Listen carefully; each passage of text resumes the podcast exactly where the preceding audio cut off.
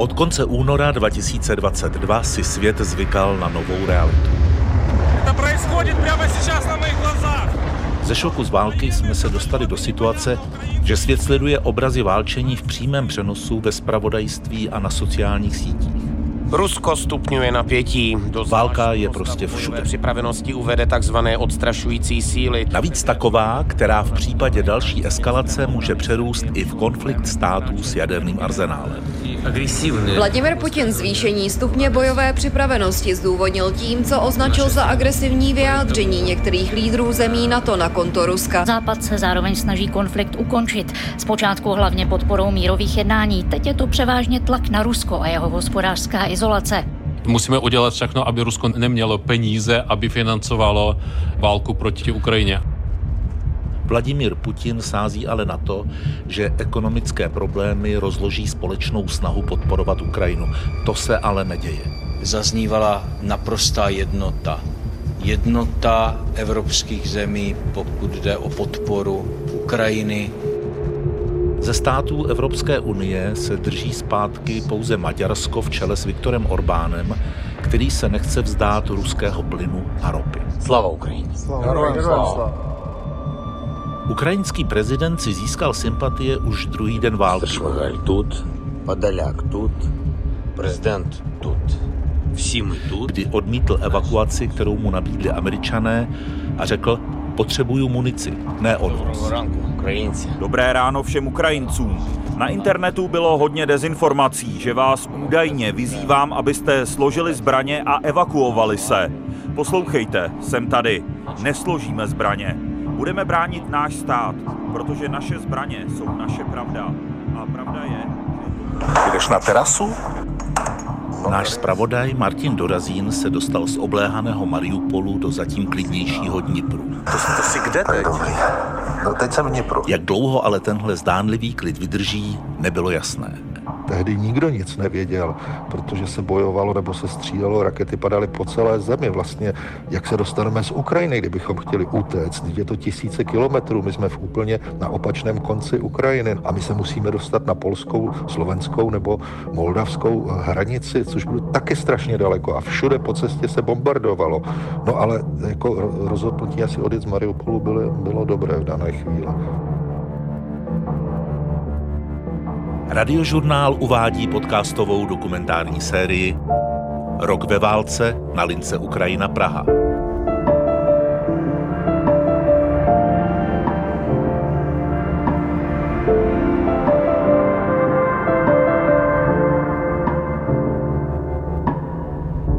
Díl druhý Nový svět.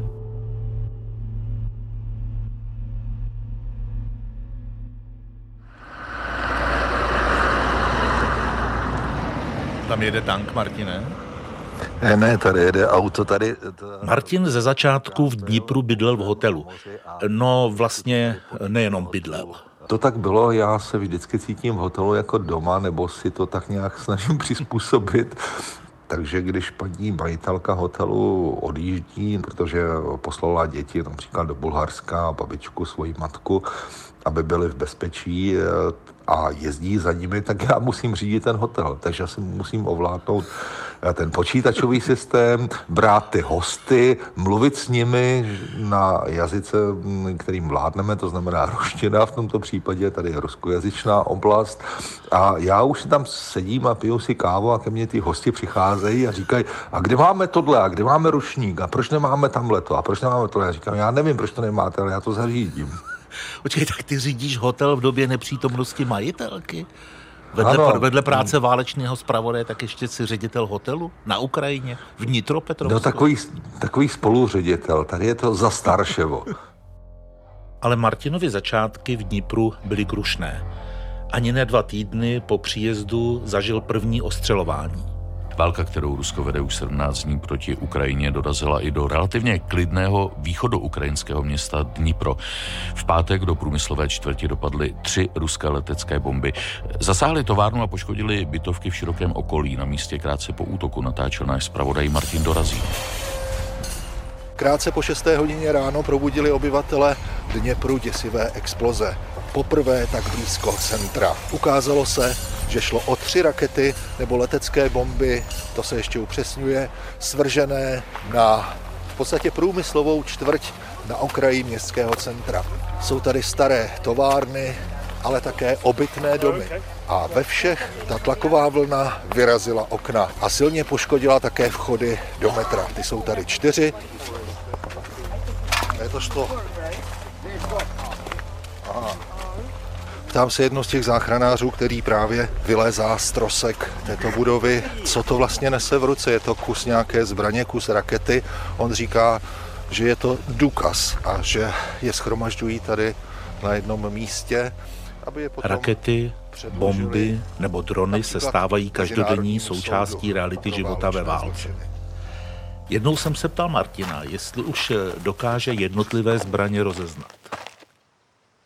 Člověk rozezná už rakety podle typu toho výbuchu, to, se, to je poměrně jednoduchá věc, minometnou palbu, protože to má úplně jiný zvuk, dělostřeleckou palbu, jestli to přilítá. Ono je podobné, když reaguje i ta obrana.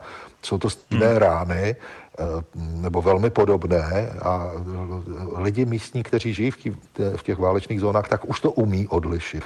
Tady se používají teďka ty, ty různé západní typy zbraní, takže to je taková novinka, když to člověk vidí poprvé v životě naživo. My známe většinou to, co jsem viděl v Jugoslávii, co jsme viděli v jiných válkách, na Kavkaze třeba, tak to jsou prostě klasické sovětské zbraně, sovětské výroby, ty asi známe všichni. Uh, oni nemají ani moc modifikací, vlastně se vyrábějí ty řady celá desetiletí úplně stejné, s modernizacemi samozřejmě, s elektronikou, hmm. ale pořád je to vlastně stejná zbraň, tank nebo dělo nebo nějaké rakety, které Rusko teď používá, používá je i Ukrajina, tam je to rozpoznání daleko jednodušší než u těch, u těch britských amerických. Moderní války jsou dneska podle armádních odborníků jiné i v tom, že by vyspělé naváděcí systémy měly chránit civilisty. Na Ukrajině se ale bojuje většinou starou sovětskou technikou a tak se začínají množit fotografie zasažených obytných domů. Rusko na Ukrajinu vypálilo 83 raket dlouhého doletu a generální štáb ukrajinských ozbrojených sil to označuje za masový teror páchaný na poklidí. Při ruském raketovém útoku na obytný dům na Ukrajině zemřelo podle Kijeva nejméně 15 lidí. Jedna střela dopadla asi 200 metrů od kostela, zbořila několik domů a zabila jednu rodinu. Zasažená jsou města Kijev, Lvov, Priluky, Dnipro, Nižin, Žitomir nebo třeba také Charkov. A do popředí se dostává ještě jiný vojenský termín. Morálka. Ukrajina se pro většinu světa překvapivě brání přesile výrazně větším odhodláním. Symbolem toho se stávají především obránci v Azovstalu, ocelárenském komplexu na předměstí Mariupolu. A právě tohle ocelové město ve městě viděl Martin z oken svého prvního bytu, když přijel do Mariupolu na začátku února. A, a a právě tam jako ten, ten Azovstal je impozantní eh, a výhled na něj je kouzelný, ale není to bezpečný. Já jsem říkal, to je právě výhled na ruskou stranu. Oni přijdou od tamtud a budou sem střílet. Hmm. To znamená na Azovstal a na nás.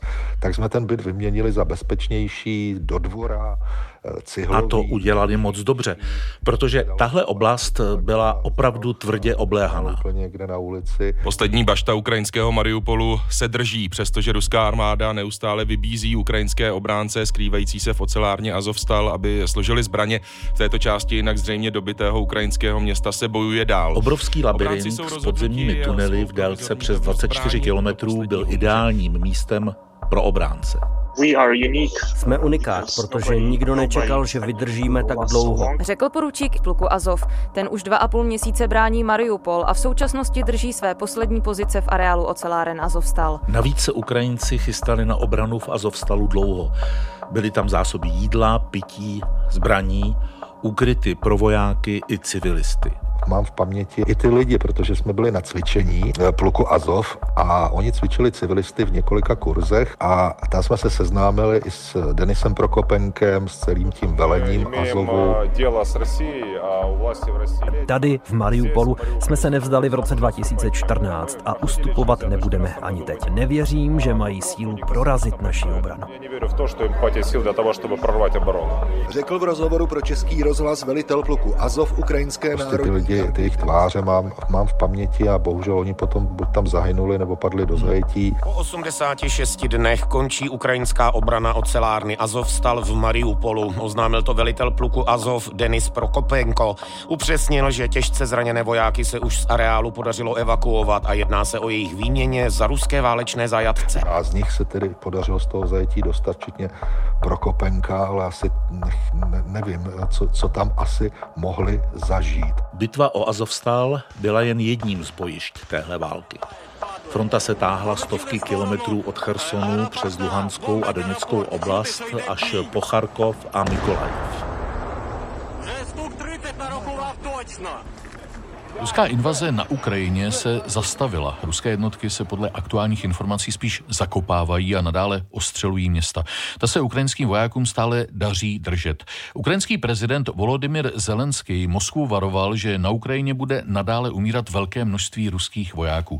Podrobnosti přidá Zdeněk Novák ze zahraniční redakce. Dobrý den. Eh, dobré ráno. Prezident Zelenský ve svém pravidelném nočním videoprojevu vyzval Moskvu ke smysluplným a upřímným mírovým rozhovorům. Já chci, aby мене зараз почули всі. Chci, aby mě teď slyšeli všichni, obzvlášť ti v Moskvě. Přišel čas si promluvit, obnovit územní celistvost Ukrajiny a vrátit na ní spravedlnost. V opačném případě budou ztráty Ruska takové, že vám bude trvat několik generací, než se z nich Не vzpamatujete. вистачить і кількох поколінь, щоб піднятися. Ruská armáda se stahuje od Kyjeva na východ. Rychlé ovládnutí hlavního města se Rusům nezdařilo. Přesto mluví o úspěšné první fázi operace.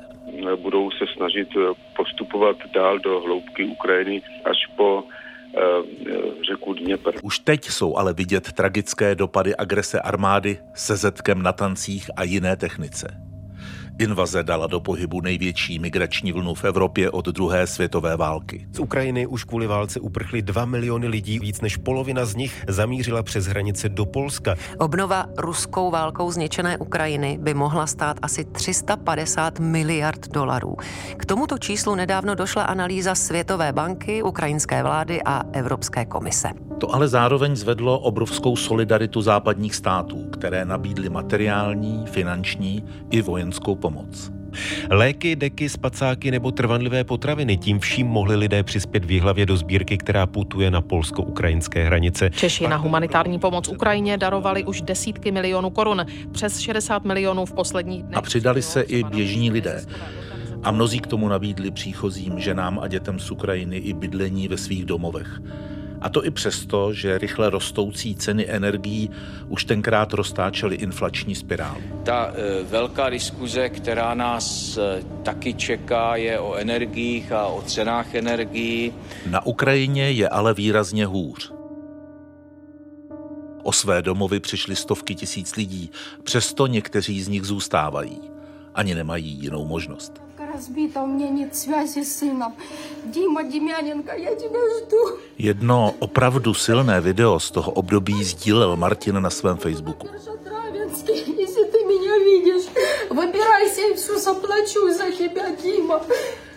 Plačící žena se balí ve sklepě, který je plný kanistrů vody, hrnců, krabic a dek. A pomalu vycházejí po schodech nahoru na světlo. Rukně. Сейчас Čas. Martin natáčel u evakuací lidí v Doněcké oblasti. Loučení, když odjíždějí do bezpečí, bývá strašně těžké, protože spousta těch lidí tady zůstává, objímají se, pláčou. Tato paní říkala, proč nás bombardují, nemůže pochopit, co se to vlastně stalo. Druhá paní hledá svého bratra, který zmizel, se kterým nemá spojení, nebo svého příbuzného.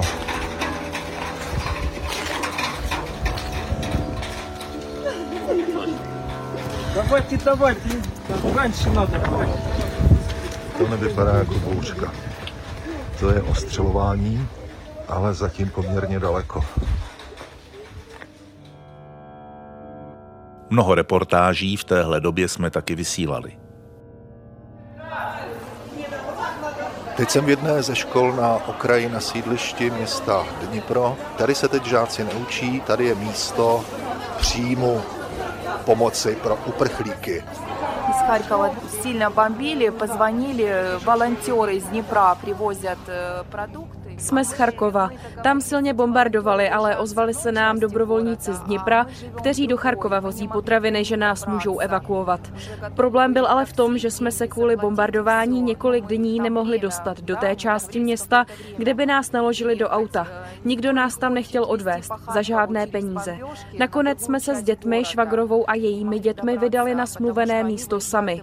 Nemáme sebou vůbec nic, oblečení ani povlečení. Od čem stajali, jak by бы ничего с собой не- нет, ни, ни вещей, ни постельного. Z Charkova jsme za zvuků střelby a bombardování odjeli v 8 ráno. Nejméně hodinu jsme se snažili dostat z centra ven, přitom je to jen nějakých 10 kilometrů. A pak nás hodně zdržely neustálé zastávky na kontrolních stanovištích. Блокпосты постоянно были, да.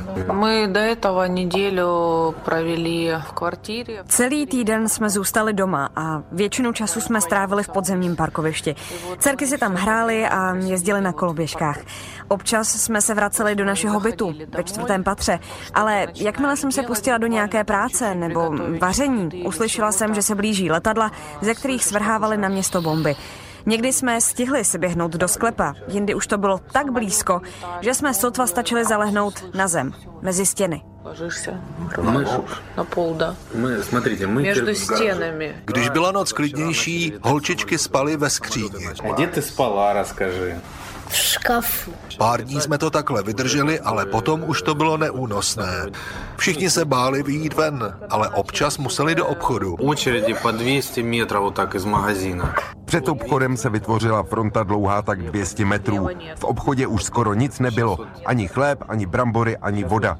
Lidi přitom mají kvůli zákazu vycházení na nákup 6 hodin a do obchodu musí vystát frontu pod otevřeným nebem. Okolí obchodu zasáhla raketa, žena stojící ve frontě najednou upadla. Utrhlo jí to nohu. Стояла женщина в очереди и упала, и ногу оторвала.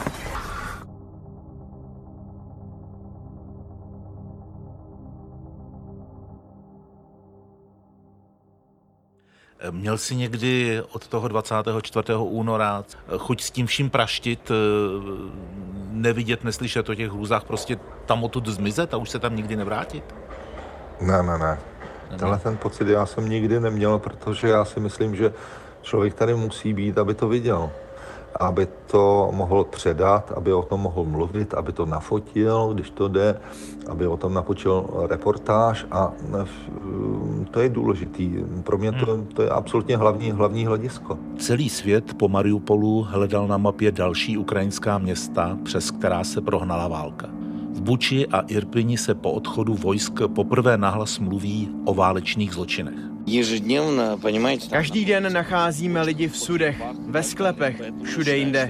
Někteří byli udušení, někteří prokazatelně mučení. Řekl ukrajinský prezident Volodymyr Zelenský při návštěvě Buči, kde se ruští vojáci měli dopustit válečných zločinů na stovkách civilistů. I když stopy války jsou všude, dění na frontě se z pohledu vzdáleného pozorovatele zastavilo. Probíhají tuhé boje na mnoha místech bez větších územních zisků. Ale je tu ještě jedna hrozba. Nejen pro Ukrajinu, ale i pro celou Evropu.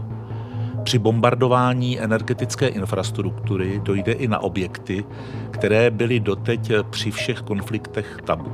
Існує реальна загроза ядерної небезпеки. Technika Ruské federace ostřeluje záporožskou jadernou elektrárnu. Nebezpečí jaderné havárie je reálné. požadujeme ukončení palby z těžkých zbraní. Povtoruju, připinit vohoň z těžkої techniky. Rozsah požáru ani jeho přesné místo není jisté. Hašení požáru podle mluvčího není možné, protože ostřelování pokračuje. Ve vysílání se k tomu v tu chvíli nemohl vyjádřit nikdo jiný než Dana Drábová. Komentáře šéfky státního úřadu pro jadernou bezpečnost sledovali tisíce lidí. Pamatují eh, bezpečnostní manuály jaderných elektráren i na situaci, kdy zařízení je obsazeno cizí armádou? Ne, nepamatují. Zcela otevřeně říkám, že nepamatují eh, v mém normálním světě, který se dneska ve 4 ráno zhroutil, se na jaderné elektrárny neútočilo, protože eh, je to v rozporu eh, s ženevskými konvencemi na ochranu civilního obyvatelstva v případě válečného konfliktu. A v srpnu byla elektrárna ostřelovaná znovu. A my na Ukrajině zůstaneme, protože situace v záporožské jaderné elektrárně je podle Mezinárodní agentury pro atomovou energii extrémně nestabilní. Elektrárnu v Záporoží už v sobotu zasáhly rakety. Ukrajina viní Rusko, Rusko viní Ukrajinu. No a mezinárodní organizace stejně jako Kiev varují před obrovskou jadernou katastrofou. Opravdu něco takového hrozí. Podle serveru Ekonomická pravda ano. Následky by údajně mohly být mnohonásobně větší, než byly po havárii v Černobylu v roce 1986 nebo v japonské Fukushimě v roce 2011. Ptal jsem se Martina, jak tuhle jadernou hrozbu prožívají na Ukrajině. No, člověk by měl mít ty jodové tabletky, ale to je deficit. Já jsem byl v nějaké laboratoři v Záporoží, kde to sami vyráběli. Tam oni se věnovali oftalmologii nebo něčemu a pak se předělali kvůli válce na výrobu těch jodových tabletek, tak by snad už mě, měly být, protože to není tak těžké to vyrobit.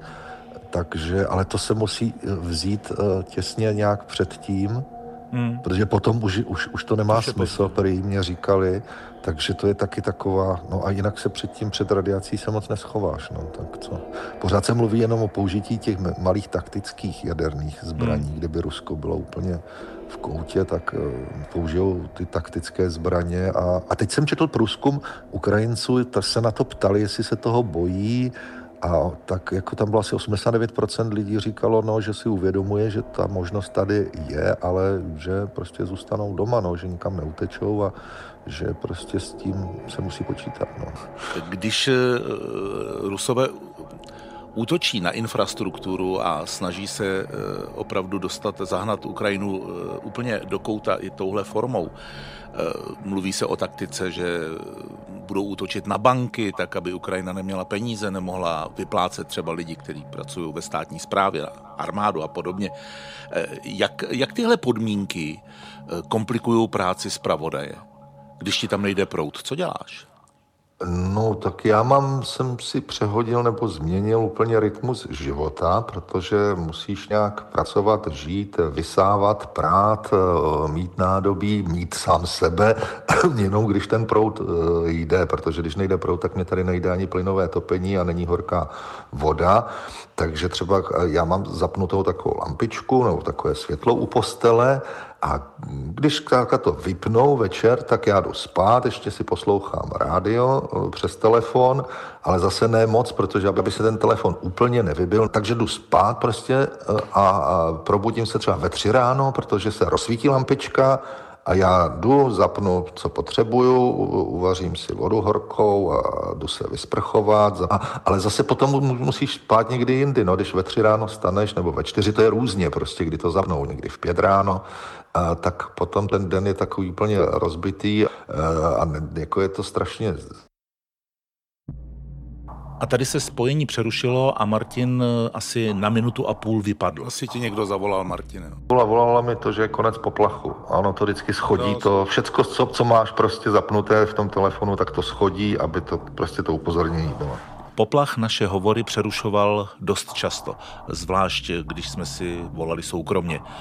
Martin se přestěhoval z hotelu do bytu, kde má mramorovou podlahu, to zní možná dost chladně, ale ta dlažba je vyhřívaná, což je velká výhoda. Protože eh, ten mramor a ta dlažba, ono to strašně dlouho udrží teplo. Když třeba 12 hodin nejde elektrika a nejde mi topení, tak je tady pořád eh, normálně snesitelně příjemně, nemusím sedět v kožichu. Jo. Takže... Od čím ty spíš, ve spacáku? Ne, ve spacáku tady to nejsou úplně polní podmínky ve městě. Někdy spím ve spacáku, když někam jedeme, protože tam bývají takové podmínky jako dost, dost děsné i třeba hygienicky, když spíme v nějakých ubytovnách pro uprchlíky, na nějakých špinavých matracích a to je pochopitelné, protože tam střídá spousta lidí, nemají to kde vyprat. V telefonátech jsme se bavili o různých věcech, ale jedné otázce jsme se nějakou dobu vyhýbali. Hele, no bavili, bavili jsme se o té, o té hranici, co ještě nebo jaký je tvůj nejotřesnější zážitek z té války? Tušil jsem totiž, co mi odpoví. No, každé si člověk myslí, že nic horšího už být nemůže a uvidí ještě něco horšího. Asi ty hromadné hroby, ty, ty, když je otevírali a vytahovali no, tam ty strouchnivělé mrtvoly z těch děr, tak to, to bych tě asi nepřál ani vidět, ani cítit. To byl asi ten nejhorší zážitek. Mají tady policejní auta a stan. A na zemi spousta bílých a černých pytlů. To jsou těla těch, které exhumovali dnes. Tady jsou hroby očíslované, bezejmené, 127, 126, 125. Tady je jedno z mála jmen na kříži. Rajsa Trifonovna Tkačenková zahynula 17. dubna 2022. Celý les plný hrobů. Napočítali jich 445 plus jeden hromadný. Právě exhumovali jedno z těl přede mnou. Na tento hřbitov přišla také paní Ludmila hledat ostatky svého muže a své tchyně. Paní Ludmila má v té celé hrůze malinký, alespoň kousek štěstí, že si pamatuje, kde zahrabali jejího manžela. Neví ale, kde je hrob tchýně. A моя свекруха, вона 7 числа од нас пішла за документами. Вона не дійшла, її там убило з самоліту. Tchýně šla vyzvednout nějaké doklady, ale na místo nedorazila. Cestou jí zabila letecká bomba. My jsme se s manželem schovávali ve sklepě. Já jsem spala dál od vchodu, on si lehnul hlavou blíž ke schodům, aby se mu lépe dýchalo. Pak přišel úder a on byl na místě mrtvý. Byla tma. Zkoušela jsem dýchání z úst do úst, ale bylo to marné. Sama jsem byla zraněná. Zůstala jsem úplně sama. Je to hrozně těžké. Kdybych neměla své zvíře, určitě bych se z toho zbláznila. Jestli by nevony, já neznám, já bych suma sešla. Manžela Juru paní Ludmila pohřbila na dvoře. 22. 200. 22. května přijela dodávka s nápisem náklad 200. Vykopali tělo a převezli ho sem do lesa. Byla jsem proti, protože jsem chtěla počkat a pohřbít manžela na hřbitově po boku jeho rodičů. Oni mě ale vůbec neposlouchali. Ukázalo se, že jim rusové za každou odvezenou ukrajinskou mrtvolu platili. A hodně lidí prostě zmizelo bez stopy. Mezi nimi i moji přátelé. Teď nacházejí mrtvoly s prostřelenou hlavou nebo se sáčkem na hlavě. Prostě je mučili, zabíjeli a pohřbívali. Prostě pytali, ubyvali, chranili.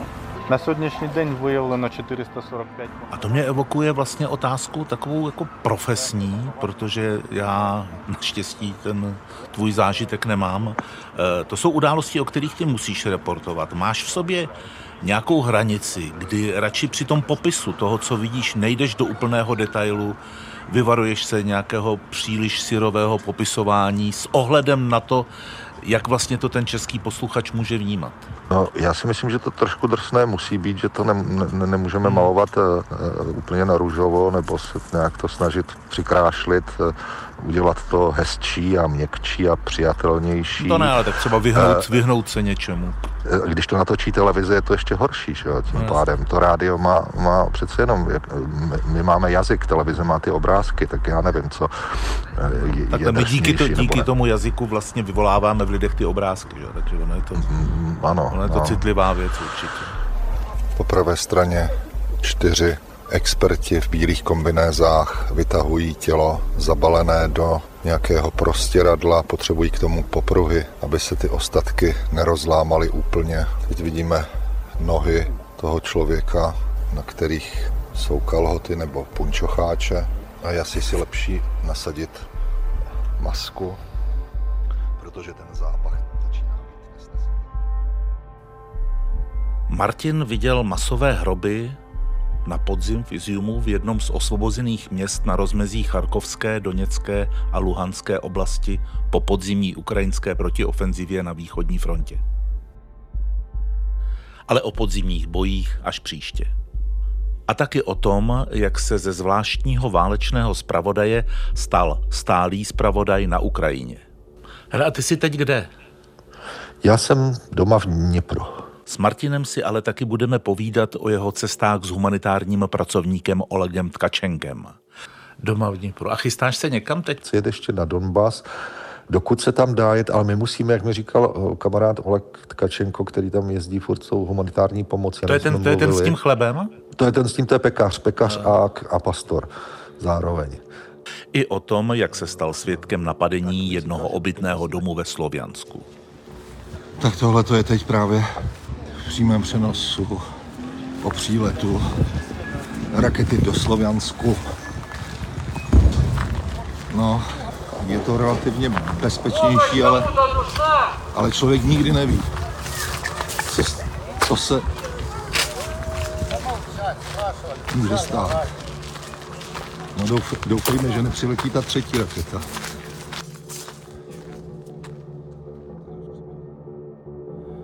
Já jsem Jan Pokorný a s Martinem bychom si měli volat zase příští týden. Tak třeba zase za týden, jo? Tak jo. Ale měj se fajn, drž se, čau. Čau.